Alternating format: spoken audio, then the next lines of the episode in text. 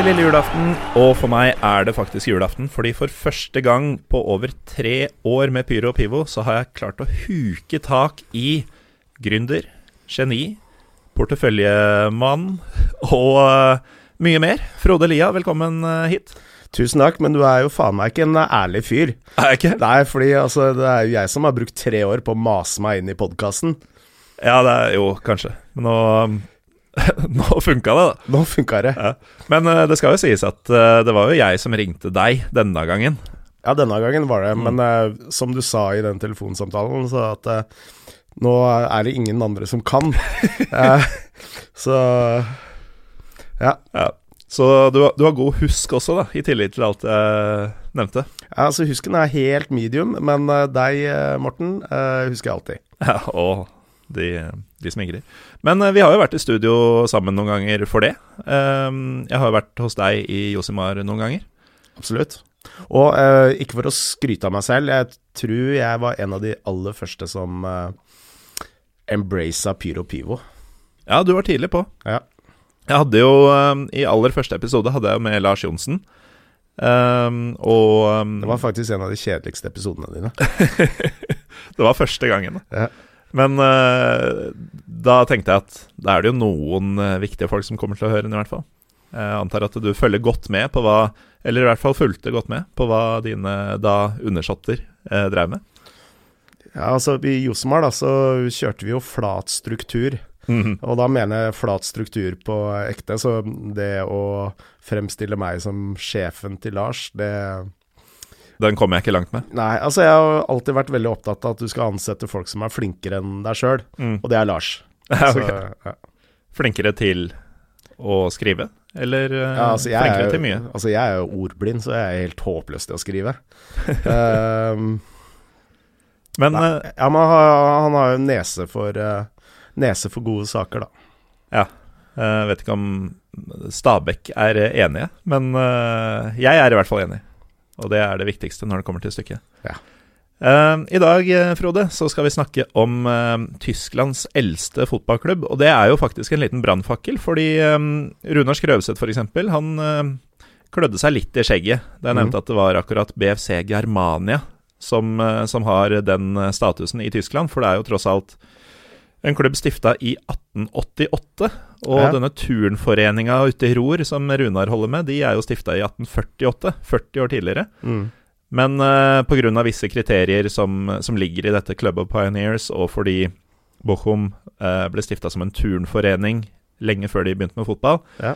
så er det altså BFC Germania som, uh, som har uh, denne posisjonen som Tysklands eldste fotballklubb. Um, hva vet vi om disse gutta? Altså Før vi snakker om dem, så uh, altså når du er akkurat inne på den krangelen om hvem som er den første fotballklubben uh, i Tyskland Altså du Skrøvseth uh, nevner turneren i, i Ror, men det er jo også veldig mange som mener at det er andre klubber, f.eks. Hanover. Eh, men eh, de spilte mye rugby. Eller ikke Ja. mye rugby, altså det var rugby de spilte, og ikke fotball. Så um, hvis du legger til første rene fotballklubb, så er det Germania. Og det er ikke noe å diskutere? Nei, altså det er jo ganske sånn på det rene nå. Mm. Men uh, man har jo brukt nesten 100 år på å komme til den konklusjonen, da. Ja. Ja.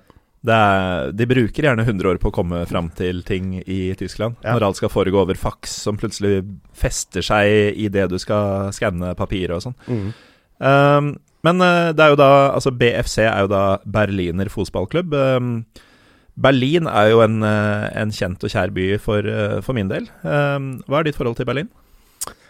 Ehm, det er ved siden av at det er en av mine favorittbyer, så var det også en av de byene jeg så utenlandsk fotball aller første gang.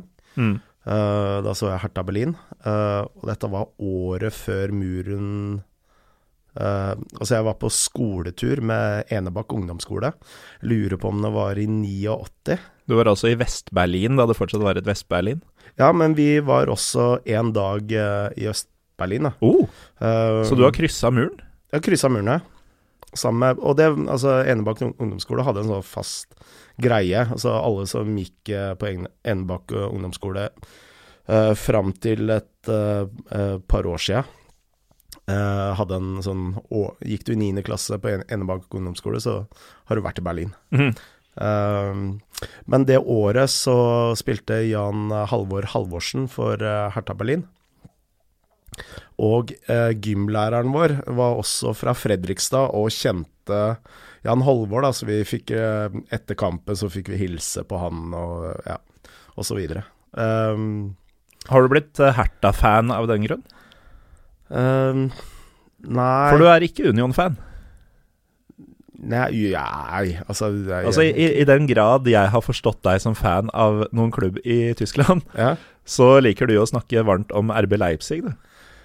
Ja, men jeg er heller ikke RB Leipzig-fan. Altså, I den grad jeg er fan av noen, så er det vel Borussia Dortmund, eh, egentlig. Men eh, jeg er ikke Nei, altså jeg er absolutt ikke noe fan av RB Leipzig.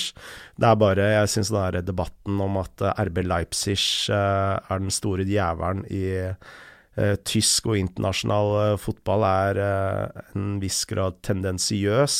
Og så ser jeg på hele den debatten i et litt større bilde, da, som handler mer om tidligere Vest-Tyskland mot tidligere Øst-Tyskland.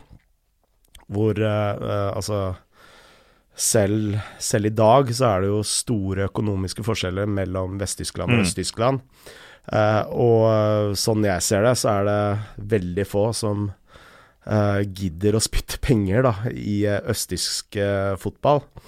Og så kommer det et bruskonsern eller energidrikkekonsern og spytter inn penger i en klubb som ingen egentlig bryr seg om, og det skal være liksom det, det jævlige. Og det, Mm. det Ja, jeg bare uh, Penga deres er ikke reine nok for eh, Bayern München-fansen, liksom. Det er, for meg så skurrer det. Da. Ja.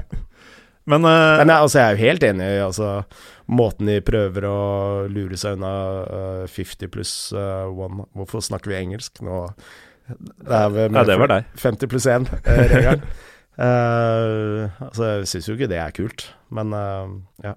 Nei. Det er eh, igjen på et litt lavere nivå. Apropos lavt nivå. Uh, BFC Germania Ja. uh, er ikke veldig relevante i dag, bortsett fra at de har denne posisjonen som Tysklands eh, eldste klubb. Nei, i, uh, altså akkurat nå så spiller de i Kreisliga. Og det er vel så lavt du kommer, omtrent?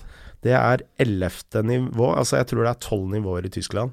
Så det er jo nest laveste eh, Nest laveste nivå.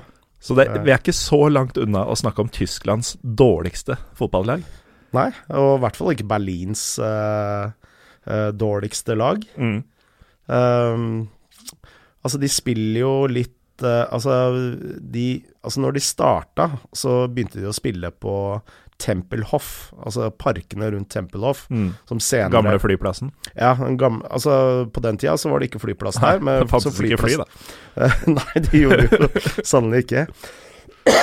Beklager. Uh, men eh, der blei det jo senere flyplass, og ifølge konspirasjonsteoretikere, eller uh, sånne folk du kjenner mange av Ja, eh, sånn jeg hører på. Ja, er jo der eh, flyplassen Hitler eh, rømte fra eh, Tyskland fra. Ja, Da han dro til Brasil. Eller Argentina. Ja, først Argentina, så Brasil. Eh, har du sett eh, filmen eh, 'Searching for Hitler'? Er på TV2. Nei, jeg har ikke sett den, men jeg har sett eh, The Boys from Brazil. Ja, ja. Den er ganske magisk. Spillefilmen, Ja. Med Josef Mengele og Ja, ja. Mengele er så ond i den filmen. Han er nesten sånn supervillain. Ja. Sånn uh, overdimensjonert sterk og sånn. når den... Uh, Ja, nok om det. Jeg har jo vært mye i det strøket der, eh, rundt eh, i Brasil der. Mens du har lett etter Hitler. Nei, ikke lett, etter Hitler. Da så jeg mest på fosser og generelt reiste rundt. Men jeg husker jeg var i en sånn landsby Altså det er jo masse sånne landsbyer der som har tyrillorhus og alt sånt. Men jeg husker jeg var på en restaurant, og så hadde jeg en servitør. En svart servitør. Men eh, med blå øyne. Ja, Eh, og eh, jeg turte ikke å spørre om det var linser, men eh, så så jeg flere som var liksom farva med eh, med blå øyne. Så det var Mm. veldig creepy. Ja, det, det satte deg litt ut. Ja, det satte meg litt ut. Eh, Men tilbake til Tempelhof. ja, Ja. Tempelhof var vi på. Ja. ja, der spilte Germania. Mm. Um, og nå holder de til eh, eh, et sted rett eh, mellom Ja, litt nord for Nøyekøllen. Mm. Så det er et vestberlinsk lag, dette her. Ja. Um, har de noen Altså, Neukölln er jo kjent for mye uh, multikultur. Uh, mange tyrkere der, blant annet. Uh, har BFC Germania noen etnisk eller politisk eller sosial profil som vi vet om? Nei. For jeg vet ikke. Nei, ikke jeg heller. Og det, altså, det tror jeg ikke. Men det som er interessant her, det er at eh, når Germania blei uh, starta, så starta de jo også den første tyske fotballforeningen. Mm. Eller eh, forbundet, kan man jo gjerne si. Men etter dette så har det jo kommet en rekke andre forbund, tre eller fire forbund eh, etter hvert. Men andre gangen man skulle starte et nytt forbund i Tyskland, så fikk ikke Germania være med. Nei. Fordi de hadde et altfor eh, liberalt forhold til utlendinger. Det er såpass, ja. Ja. Når, når omtrent var dette? Eh, nå snakker vi sånn helt på slutten av 1800-tallet. Okay. Uh, uh, men dette skjedde jo flere ganger fram til og med første verdenskrig. Mm. Hvor, uh, og det kan nok også tilskrives at Germania egentlig aldri har gjort det så bra. Og det har jo vært fordi de har kommet så seint inn i Ja, alle det disse fotballforbundene som hele tida ble starta. vært uønska, rett og slett. Ja. Um, du har jo en god del um, reisehistorier, eh, Frode. Og jeg mener å huske at du um, sammen med Eivind Bisgaard Sunde og en uh, annen kompis var på, var på match i Tage, ja. Var på match i Tyskland, Mhm. og merkelige ting skjedde. Kan ikke du dele den med oss som en liten sånn førjulegave? Ja, du tenker på når Ja, det altså det var jo Det er mange- fotovest og Ja, det var jo én historie, men den Mm. morsomste historien, det var jo når vi møtte en gjeng nazier. Ok, vi tar den, da. eh, før, før kamp, Uh, før uh, eh, Mainz. Uh, og så var vi på en sånn uteservering, og så kom det noen gutter, uh, og jeg skjønte med en gang uh, Hva dette var. hva- hva slags eh, folk dette var.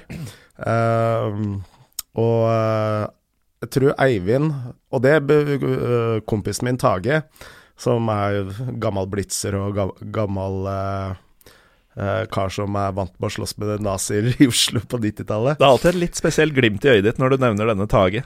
Ja, jeg elsker Tage. Men eh, eh, Men Eivind tror jeg ikke helt skjønte hva slags gutter dette her var. Nei. Fram Fram til han ene dro opp uh, tatoveringene sine med, uh, på arma med uh, svartstikkar og hakekors og og eh, noe eh, ta, Lignende. Ansikter av Rudolf Hess og sånn. Mm. Da skjønte han det. Eh, og han blei vel litt stressa når jeg utfordra han karen til håndbak.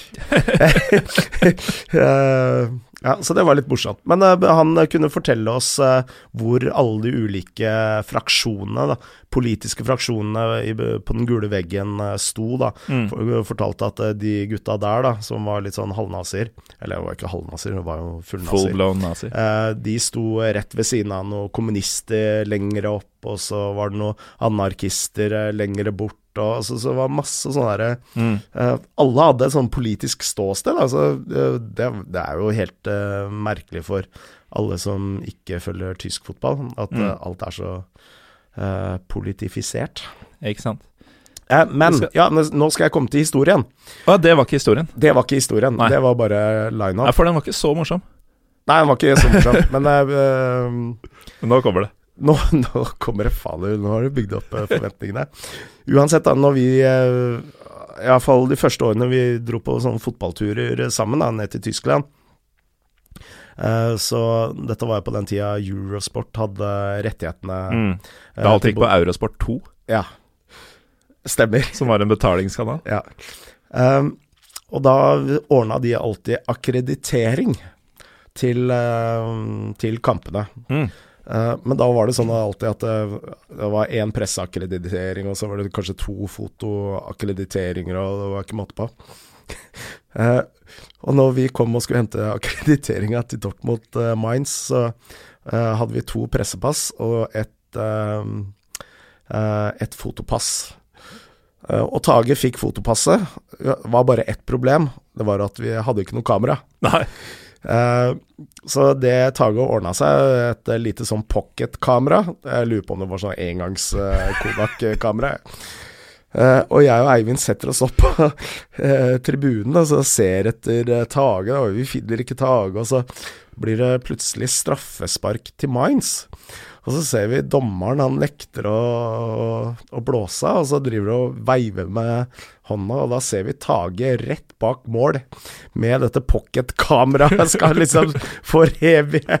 Og til slutt så blir jo Tage bare dratt vekk fra mål, så hun kunne skyte straffa. Uh, og der sto det jo bare sånne kameramenn med lange linser, ja. og Tage med Kodak kompakt uh, kamera. Det er så nydelig. Ja. Uh, Frode, vi har jo et uh, mer eller mindre fast innslag også i disse kalenderlukene, hvor gjesten prater litt om sitt forhold til jul. Ja. Og du er jo fra Enebakk, men har jo um, Nei, egentlig ikke fra Enebakk. Hvor er du egentlig fra? moren min er fra Lørenskog. Yeah. Så jeg bodde på Lørenskog til jeg var tolv år. Mm. Faren min er fra Snarøya. Så jeg har liksom alltid hatt sommerferiene og sånn type annenhver helg på Snarøya. Og når jeg var tolv år, så flytta mamma til Enebakk. Og der bodde jeg tre-fire år. Ok, da er du ikke fra Enebakk i det hele tatt? Nei, jeg vil ikke si at jeg er fra Enebakk. Men det er såkalt formative years, da. Altså, du finner jo din identitet Absolutt, og sånn i Og jeg møtte Tage Svakk eh, eh, på Flateby i Enebakk. Husker det året jeg flytta til Flateby. Da så vi en sånn liste over at Enbakk Enebakk var der det var flest bankranere. Så ja. ja. Mange som heter Jonny og Jimmy og sånn der, da. I så fall. Og Ronny. Ja, og Ronny. ja du nevnte ja. Ronny, ja. Jeg tror jeg sa Jonny, men uh, Ronny er også bra. Jeg fikk jo juling første skoledag. Uh, Etter å ha flytta til Enebakk? Ja, altså uh, Av Tage, eller? Nei, ikke av Tage. Altså, mamma drev og bygde hus på Enebakk. Så jeg bodde hos pappa fram til skole, skolestart. Mm. Og, og, hver gang jeg kom til pappa, så blei det jo sånn Jeg måtte til frisøren og vannkjemma hår og rosa Lacoste og mm. det var ikke måte på. Så jeg troppa jo opp første skoledag i Enebakk med rosa Lacoste-trøye. Uh, så i første friminutt så kom det en kar, jeg skal ikke si etternavnet hans, men han har et Vegard til fornavn iallfall, mm. og ga meg en midt på trynet. og, bare sto over meg og sa 'homo'. så det var mitt uh, møte med Enebakk. Men altså som et produkt av å ha fått juling for å ha gått i rosa på Enebakk, og én fot i holdt på å si sivilisasjonen og avgrunnen, ja. henholdsvis Lørenskog og Snarøya, selvfølgelig. Ja. Hva må til for at det er jul for Frode Lie? Hmm. Dette er god radio. Fader, nå ble jeg tøff. ok, vi, tar, vi, gjør det enklere, da. Boxing day, da. ja, okay. boxing, day. boxing day er jul for Frode Lie. Ja. All. Da ble dette en eh, ganske lang luke, men det er jo ikke overraskende når eh, du og jeg sitter og improviserer uh, ting. Er dette den lengste du har, eller? Jeg tror det. altså Nå nærmer den seg 20 minutter, så vidt jeg kan se. Og ja. de skal egentlig være maks et kvarter, så da er jeg fornøyd. Og uh, med det så um, har vi nå innlemma deg i lista over folk som har vært med i Pyro Pivo. Endelig. Takk skal du ha. Uh, måtte det ikke bli siste gang, Frode. Jeg får ikke håpe det. Og um, god jul til deg og dine mange barn og folk du bryr deg Heldigvis så stikker jo fleste unga til Trondheim. Deilig. Det er helt nydelig. da blir det i hvert fall jul.